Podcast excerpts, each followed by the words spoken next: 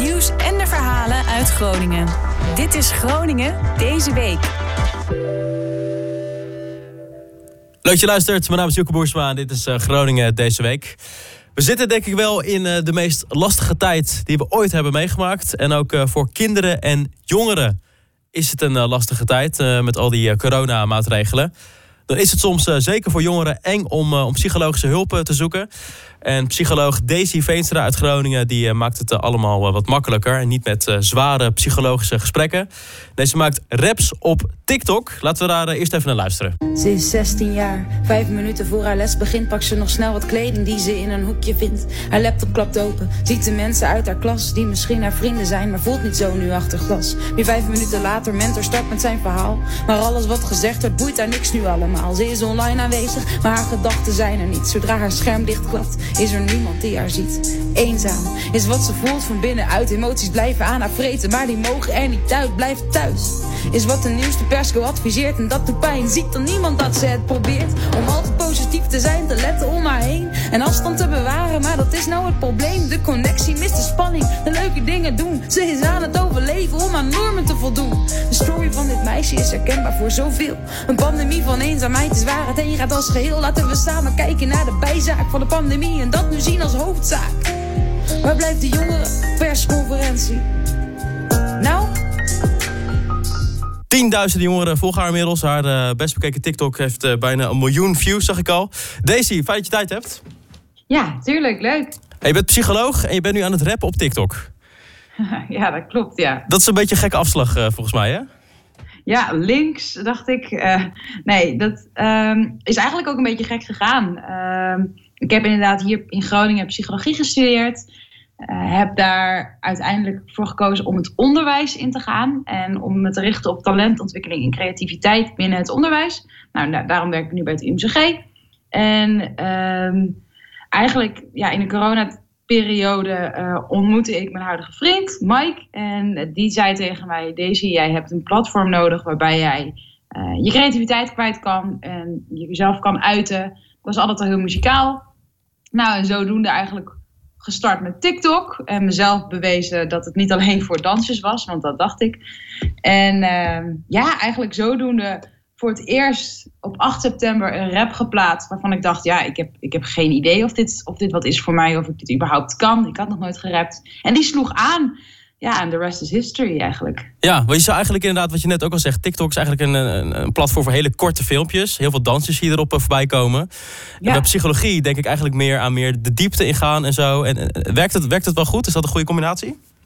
Ik denk dat het een hele goede combinatie is om een aanleiding te creëren... en om, om een onderwerp te bespreken... En zeker omdat het zulke korte video's zijn. Dat is natuurlijk iets wat jongeren op dit moment ook heel erg aanspreekt. TikTok, een minuut is maximaal uh, de lengte van een video. En dat is eigenlijk al lang. Dus je wilt eigenlijk uh, in een hele korte tijd heel veel kunnen vertellen. Nou ja, zo is rap denk ik ook wel überhaupt geboren als, als medium. Maar um, ja, ik, ik denk dat het helpt om jongeren gehoord te laten voelen. Maar het is natuurlijk geen uh, vervanging voor een klinisch traject met een, echte, met een psycholoog om diepgaande gesprekken te hebben. Dat zeker niet. Ja. Ja. Je, ja, je ziet dat het goed scoort. Uh, honderdduizenden views. Je, ga, je best bekeken TikTok zit nu op 800.000, uh, geloof ik. nee, ja, nog eentje andere, een andere die een tijdje geleden is gepost. Zelfs nog, ja, inderdaad bijna een miljoen. Oké, okay, wat goed. Ja. wat voor reacties krijg je van jongeren? Ja, ze vinden het heel erg tof. Uh, sowieso, de, de raps, de video's. Um, ze voelen zich erin uh, gehoord. En ze herkennen ook heel veel verhalen die ik uh, bespreekbaar maak. Uh, dus eigenlijk heel, heel veel positieve reacties. Wat zijn nou echt de problemen waar jongeren tegenaan lopen? Want iedereen kent de verhalen inmiddels denk ik wel met, met, met de coronamaatregelen. Maar ik heb toch een beetje het gevoel alsof jongeren zo wat minder, de, minder genoemd worden. Ook omdat ze misschien niet, niet de, de economische gevolgen hebben. Ja, precies. Nou, wat je natuurlijk ziet bij jongeren is dat ze heel erg in ontwikkeling zijn. En dat is natuurlijk nu uh, iets wat heel erg veel stil ligt. Hè. Je ziet heel, veel, heel weinig mensen. Uh, en je hebt eigenlijk als jongere ook heel veel prikkels nodig. En heel veel verschillende manieren om uh, nou ja, jezelf uit te dagen. Maar ook om gewoon heel veel leuke dingen te doen. En die dingen liggen nu heel erg stil. Dus wat je bij jongeren nu heel veel ziet is dat het perspectief mist van wanneer Wanneer komt er iets leuks aan? Wanneer gebeurt er nou weer een keer wat? En dat is ook heel erg moeilijk voor jongeren om te kunnen. Um, om daaraan te denken en om op langere termijn verder te kunnen denken. Dat je ziet dat dat brein van die jongeren ook nog steeds in ontwikkeling is. Dus waar uh, volwassenen, en dan heb ik het vanaf een jaar of 25 uh, een, een, volledig ontwikkeld brein hebben in dat opzicht. Dat je in perspectief dingen kunt zien, langer termijn kunt denken. Daar is dat bij een jongere gewoon nog niet zo. Dus dat is extra lastig. Ja, en is het dan vooral de eenzaamheid en de, de, de sociale uh, contacten die je mist? Ja, dat hoor ik echt onwijs veel, inderdaad. Uh, kijk, um, ik ben heel erg dankbaar dat ik in deze periode een relatie heb. En ik moet uh, niet aan denken hoe het nu zou zijn als ik single was. En ik zat nu in, ook in mijn eigen studentenstudiootje van, van 25 vierkante meter. Want dan is dat ook gewoon ontzettend eenzaam. En dat zie ik ook bij studenten die ik lesgeef.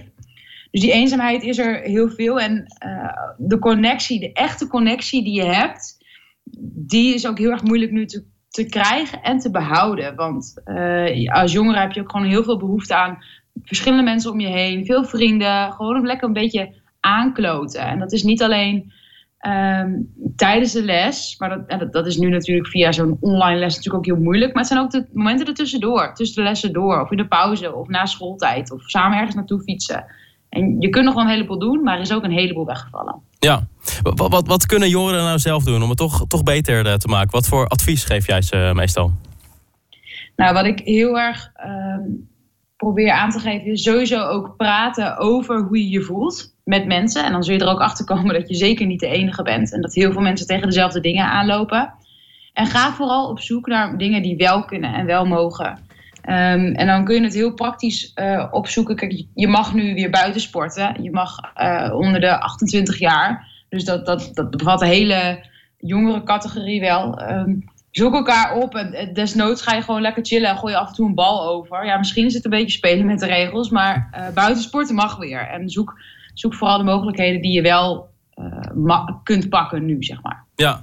ja, want dat lijkt af en toe een beetje ook wat tendens hè, onder mensen. Dat ze denken van ik mag helemaal niks meer en dan ga ik maar mezelf opsluiten in mijn kamer. Maar dat is eigenlijk een beetje het tegenovergestelde, toch? Van wat je moet doen, toch? Ja, precies. Ja, als je kijkt naar vanuit de psychologie waar mensen behoefte aan hebben en wat we op dit moment, uh, wat we überhaupt willen. We hebben drie basisbehoeftes en een van die basisbehoeftes is autonomie. Dus controle hebben over de dingen die je doet. En we hebben nu natuurlijk een heel groot, voor een heel groot uh, gedeelte, hebben we weinig controle over, over maatregelingen. We moeten, voor negen uur moeten we weer binnen zijn. En dat soort dingen die beperken onze, uh, onze eigen controle heel erg. Dus je moet eigenlijk zelf daardoor op zoek gaan naar andere manieren waarop jij je controle wel kan pakken. Want je kunt op een heleboel andere manieren wel zelf beslissen wat je doet. Maar ja, dat is voor volwassenen ook weer makkelijker gezegd. Want die zijn in dat opzicht gewoon weerbaarder dan jongeren. Op het moment dat jij je kwetsbaar voelt, ja, dan, dan heb je ook eigenlijk zoiets van, ja, nou ja, ik mag toch niks. Dus wat ga, ik, wat ga je doen dan? Ja. ja. En het, het lijkt me ook hoe langer het duurt, hoe zwaarder het wordt. Want op een gegeven moment ga je denk ik ook een beetje opgeven dan, toch? Ja, dat is, dat is inderdaad wel uh, wat je nu ook ziet. Hè. Het, het weegt allemaal bij elkaar op. Uh, in het begin hoorden we wel van jongeren van ja, wat doen we de jongeren aan? Scholen dicht, kunnen we dit eigenlijk wel doen? Uh, en steeds meer onderzoeken worden er gedaan. Je ziet ook steeds meer uh, dat de, de, mentale klachten onder jongeren toenemen. En ik denk dat dat komt deels omdat er op de achtergrond heel veel sluimerende problemen dan aanwezig waren. En op het moment dat er dan een zware periode uh, aanbreekt, dan komen die sluimerende problemen meer naar de voorgrond. maar ik denk ook dat het dat daadwerkelijk corona überhaupt ook wel echt mentale problemen echt wel behoorlijk in de hand kan werken. Ja, er zullen vast ook ouders uh, luisteren. Wat zou je ze uh, voor uh, advies geven? Want ik denk zeker jongeren en pubers zijn een lastige, lastige leeftijd om mee te praten. Wat, wat kunnen ouders doen? Nou, in ieder geval erkenning van hoe, ze, hoe, hoe de jongeren zich op dit moment moeten voelen. Dus erken dat het voor hun nu gewoon een rottijd is. en de openheid die je zelf als ouder geeft, kun je ook terugkrijgen. Dus op het moment dat jij ook aangeeft van... Hey, uh, sorry, ik had net een rotvergadering of ik vind het heel spannend. Uh, sorry als ik vandaag wat een slecht humeur heb. Uh, dan, dan creëer je veel meer begrip ook binnen het gezin. Want de jongeren zien hun ouder natuurlijk ook gewoon thuis werken. En dat is ook gewoon niet altijd leuk. En de stress die je normaal gesproken op je werk hebt, als het ergens niet goed gaat, die heb je nu gewoon thuis.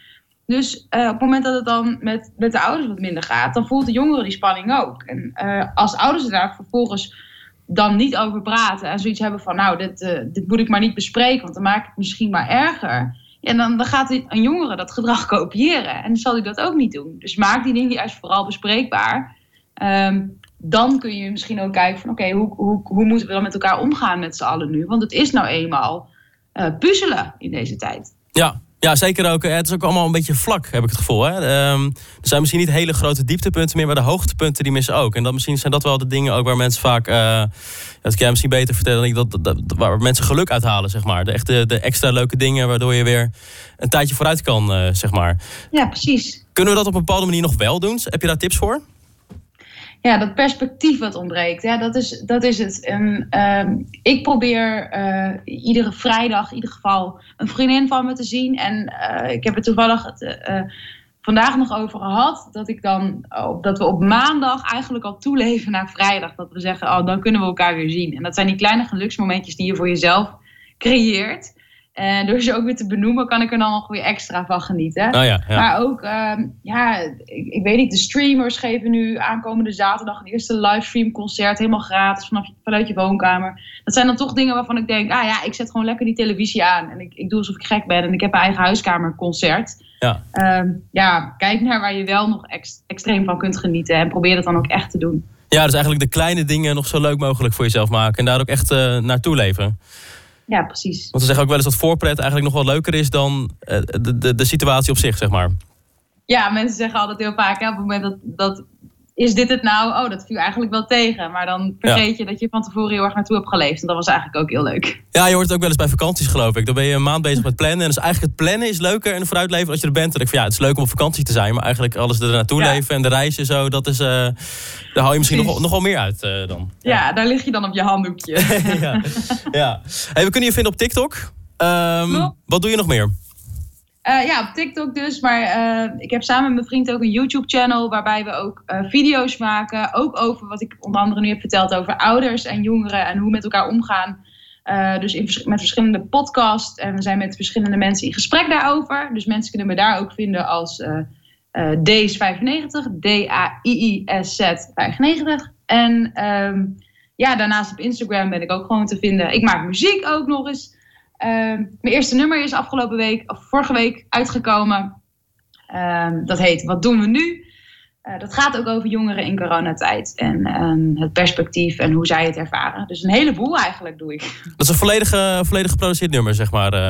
Ja, absoluut. Dus geen ja. stukje wat je op TikTok doet, maar gewoon echt een heel nummer. Uh, dat zelf is echt een compleet nummer. Hij, is, hij, was vorige week ook nog op 100% NL. Dus ik oh, probeer uh, een beetje binnen te komen. Oké, okay, nou ik zal even bij Oogradio ook even een balletje opge opgeven natuurlijk. Heel graag. Lokale ja, artiesten moeten we altijd uh, steunen natuurlijk. Uh, ja, Daisy Veenstra kun je opzoeken en Days95 uh, dus op de meeste platformen. Yes. Precies. Okay. Nou, deze heel veel succes ermee. Dankjewel. En tot zover ook Groningen deze week. Uh, abonneer je op deze podcast via je podcast-app. Je kan een recensie achterlaten in, in Apple Podcasts. Zou ik ook heel leuk vinden als je dat doet. Dus mocht je daar tijd voor hebben, doe het vooral. En je kan volgen op Spotify. Dankjewel voor het luisteren en tot volgende week.